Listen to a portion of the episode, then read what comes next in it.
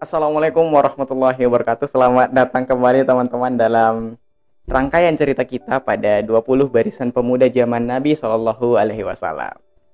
Siapakah pemuda ke-11 yang akan kita diskusikan? Tunggu saja pada rangkaian video kita berikutnya karena pada saat ini kita masih ngebahas soal pemuda ke-10 yaitu Abu Said Al-Khudri.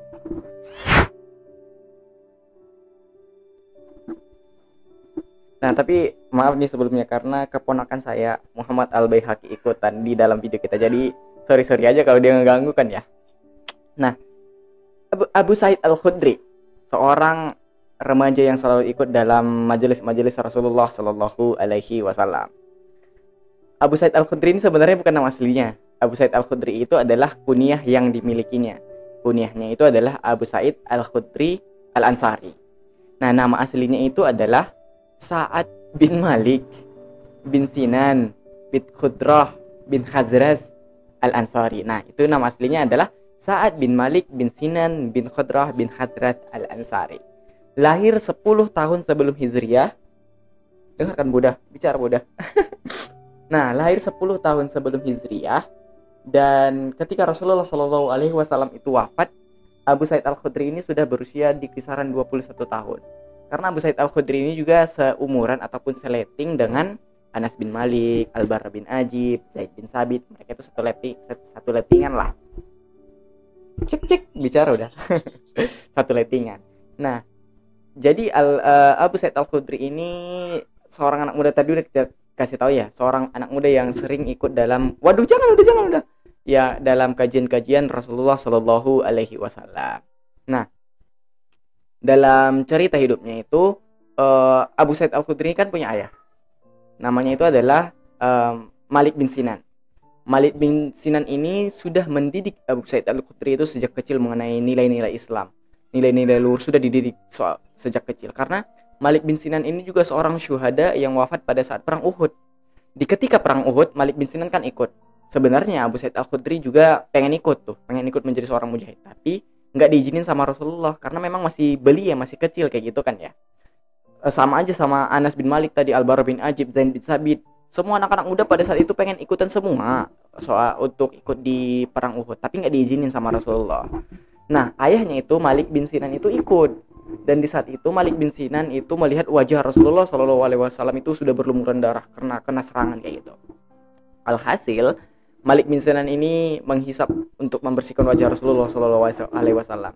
Nah, jadi nih bagi teman-teman yang pengen lihat uh, darah darah Rasulullah itu bercampur sama siapa ya udah lihat aja darahnya, uh, lihat aja orangnya Malik bin Sinan adalah orang yang uh, darahnya itu bercampur dengan darah Rasulullah Shallallahu Alaihi Wasallam. Nah, itu dia soal Malik bin Sinan. Jadi memang, aduh, udah jangan, udah jangan, udah. Jadi memang Malik bin Sinan ini sudah sejak dulunya itu menjadi seorang mujahid, seorang pejuang dan seorang yang senantiasa membela Rasulullah Shallallahu Alaihi Wasallam. Karena sikap itulah turun juga kepada anaknya seorang uh, Abu Said Al Khudri. Jadi Abu Said Al Khudri ini juga setelah tadi selesai perang Uhud ya, ikut perang-perang lainnya. Sama waktu di perang Khandaq juga ikut, perang Hurara ikut. Nah, pasca perang Uhud itu Abu Said Al Khudri selalu ikut majelis-majelis Rasul. Ada belajar bersama Rasul uh, selalu aja ikut. Waduh nanti suaranya nggak bagus nggak jelas. Kayak gini udah jelas kayaknya ya. Oke itu spektrumnya udah kebaca. Nah aduh udah jangan udah jangan udah. Nah nah uh, tadi itu ikut selalu terus sama majelis-majelis Rasul. Alhasil kan di setiap majelis itu selalu ngebahas soal ilmu-ilmu fikih gitu alhasil membentuk seorang membentuk karakter seorang Abu Said Al-Khudri ini menjadi seorang yang ahli fikih gitu. Ahli hadis juga karena memang setiap pertemuan dia ikut banyak hadis yang dia riwayatin tercatat sebanyak 1170 hadis itu diriwayatkan oleh Abu Said Al-Khudri. Diri udah diri biar masuk kamera udah. Abu Said Al-Khudri. Nah teman-teman dari 1170 hadis itu banyak banyak ya yang diriwayatin tapi nanti ada satu hadis yang diriwayatkan Abu Sa'id Al-Khudri itu yang akan saya bacain saya bakal lihat bukunya karena itu adalah khutbah dari Rasulullah Shallallahu Alaihi Wasallam. Tapi nanti saya bacain. Nah tadi Abu Sa'id Al-Khudri itu udah kita jelasin lahir 10 tahun sebelum Istria sosok yang selalu ikut dalam uh, majelis Rasulullah Shallallahu Alaihi Wasallam majelis ilmunya belajar bersama Rasul juga pejuang juga. Di saat perang Khandak itu di saat Sa'ad bin Muas wafat Abu Said Al Khudri ini ikut menggalinya. Nah digalilah makam dari Sa'ad bin Muas tahu nggak? Setiap galian yang dilakukan oleh uh, penggalinya itu yang di, di salah satunya itu adalah Abu Said Al Khudri tercium wangi kasturi wangi surga sob siapa yang makamnya kayak gitu? Uh, mudah-mudahan aja nanti insya Allah kita bisa lah ya seperti itu. Hmm, yang bisa uh, galian tanah kubur kita itu ataupun makam kita itu nanti aromanya kesturi amin ya Allah amin. Nah Abu Said Al Khudri bersama dengan uh, pemuda-pemuda lainnya di masa itu ia selalu melayani ataupun bergantian melayani kebutuhan Rasulullah Shallallahu Alaihi Wasallam. Sama halnya ketika perang Hurarah saat itu Abu Said Al Khudri masuk ke dalam satu gua. Terus ada orang yang masuk. Jangan udah jangan udah ada orang yang masuk. Nah dia nanyain yuk keluar keluar. Kayak gitu kan. Pada saat itu Abu Said Al Khudri udah sembunyi di guanya. Abu Said bilang aku tidak akan keluar. Dan kalau kamu masuk nanti aku bakalan nebak bakalan ngajar kamu kurang lebih kayak gitu. Terus dia itu masuk. Abu Said Al Khudri pun meletakkan senjatanya. E, per pergilah dengan membawa dosa-dosamu dia bilang kayak gitu. Terus uh, yang masuk ini tadi musuhnya tadi ini datang. E, kamu Abu Said Al Khudri itu mintakanlah ampunan untukku kayak gitu. Nah yang dimaksud dengan membawa dosa-dosamu itu adalah bentar saya baca bukunya. Mana buku kita udah? Oh sana udah buku kita. Yang dimaksud dengan membawa dosa-dosamu itu hmm, jangan gitu udah. Kalau Abu Said Al Khudri itu tidak mau memusuhi ataupun memerangi muslim kayak gitu. Alhasil keluarlah uh, Al-Maidah ayat 28 saya nggak bisain baca saya nggak bisa bacain bukunya. Jadinya karena nggak bisa diambil karena ini keponakan saya juga ikut. Hmm, hmm, dah. Nah itu dia. Ada juga khutbah dari Rasulullah Shallallahu Alaihi Wasallam itu yang diriwayatkan oleh Abu Said Al Khudri nah tapi ini dia ya nggak bisa saya ntar saya ambil deh saya ambil deh saya ambil deh. Ntar ya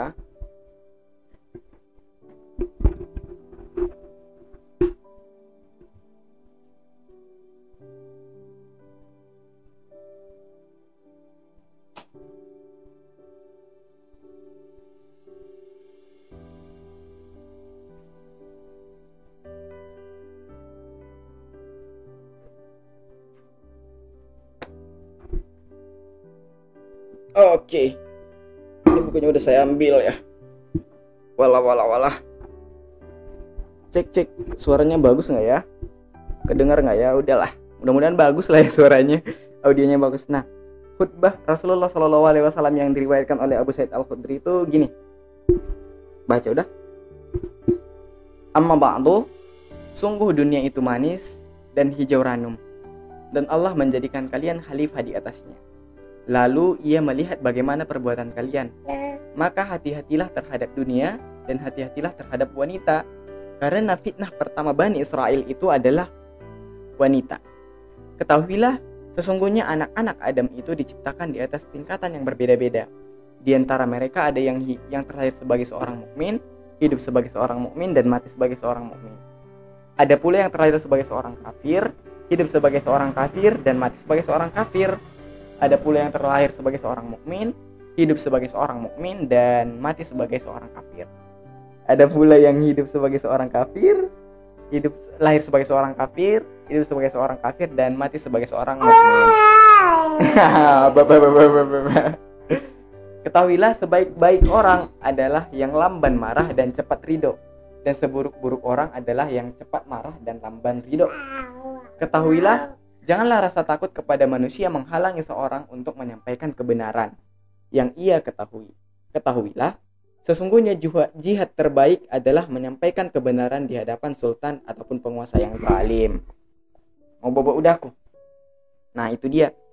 Yang ke, udah, udah tahu ini kan ya, Abu Said Al-Khudri tahu karena sudah tahu ini tadi, Abu Said Al-Khudri itu pun uh, pergi menuju Syam waktu itu untuk memberitahukan kepada Muawiyah bahwa untuk menasihatinya bahwa ada hal yang kurang tepat ya gitulah jadi dengan setelah mengetahui ini Abu Sa'id Al-Khudri pun memberanikan diri untuk pergi ke Sam menemui Muawiyah untuk memberitahukan hal yang dia ketahui serta menasihati Muawiyah pada saat itu Nah itu dia sih udah kita bacain ya. Tadi juga kita udah kasih tahu kalau Abu Sa'id Al Khudri itu meriwayatkan sebanyak 1170 hadis. Tadi udah saya bacain khutbah penuhnya itu kan dari hadisnya juga kita tahunya ya. Dan juga soal yang pergi ke Syam itu untuk tidak takut memberitahukan kebenaran. Makanya juga kita tahu ada istilah gini. Hmm. ada istilah gini. Tadi masalahnya eh, kendaraan, sekarang masalahnya mm, di kantong ini ya. Nah, jadi kita tahu ada istilah kayak gini marra aminkum munkaran fayughayyirhu biyadihi fa illam yastati fa bilisani fa illam yastati fa biqalb wa jalika adaful iman gitu. Jadi kalau kita melihat kemungkaran, kejahatan gitu ya banyak sih penafsiran yang berbeda soal apa itu yatnya, tangan itu apa itu lisan dan apa itu qalbnya. Tapi yang pasti nih ya yang kita tahu ya udah kalau memang ada yang salah so ayo dong kita perbaiki, kita uh, nasihati sama-sama gitu. Kalau kita melihat keburukan ataupun keingkaran di dalamnya. Nah itu dia teman-teman sosok dari Abu Said Al Khudri yang udah kita ceritain ya. Jadi segitu aja dulu yang bisa kita ceritain mengenai sosok dari si Abu Said Al Khudrinya. Oh iya, belum dikasih tahu ya. Abu Said Al Khudri itu wafat pada tahun ke 74 Hijriah. Di saat itu Abu Said Al Khudri berusia kurang lebih 84 tahun. Kan tadi lahirnya 10 tahun sebelum Hijriah. Wafatnya 74 Hijriah berarti 74 tambah 10 itu sekitar 84 Hijriah. 84 tahun lah ya masa hidupnya. Itulah sosok Abu Said Al Khudri yang udah kita kasih tahu, kita ceritain bersama-sama bersama teman-teman.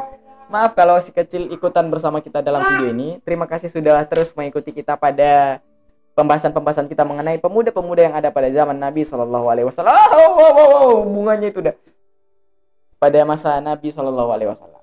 Terima kasih dan sampai jumpa pada pembahasan kita berikutnya. Bilang assalamualaikum udah. Udah.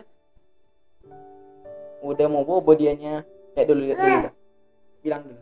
Assalamualaikum. Assalamualaikum. Dan tak akhirnya assalamualaikum warahmatullahi wabarakatuh.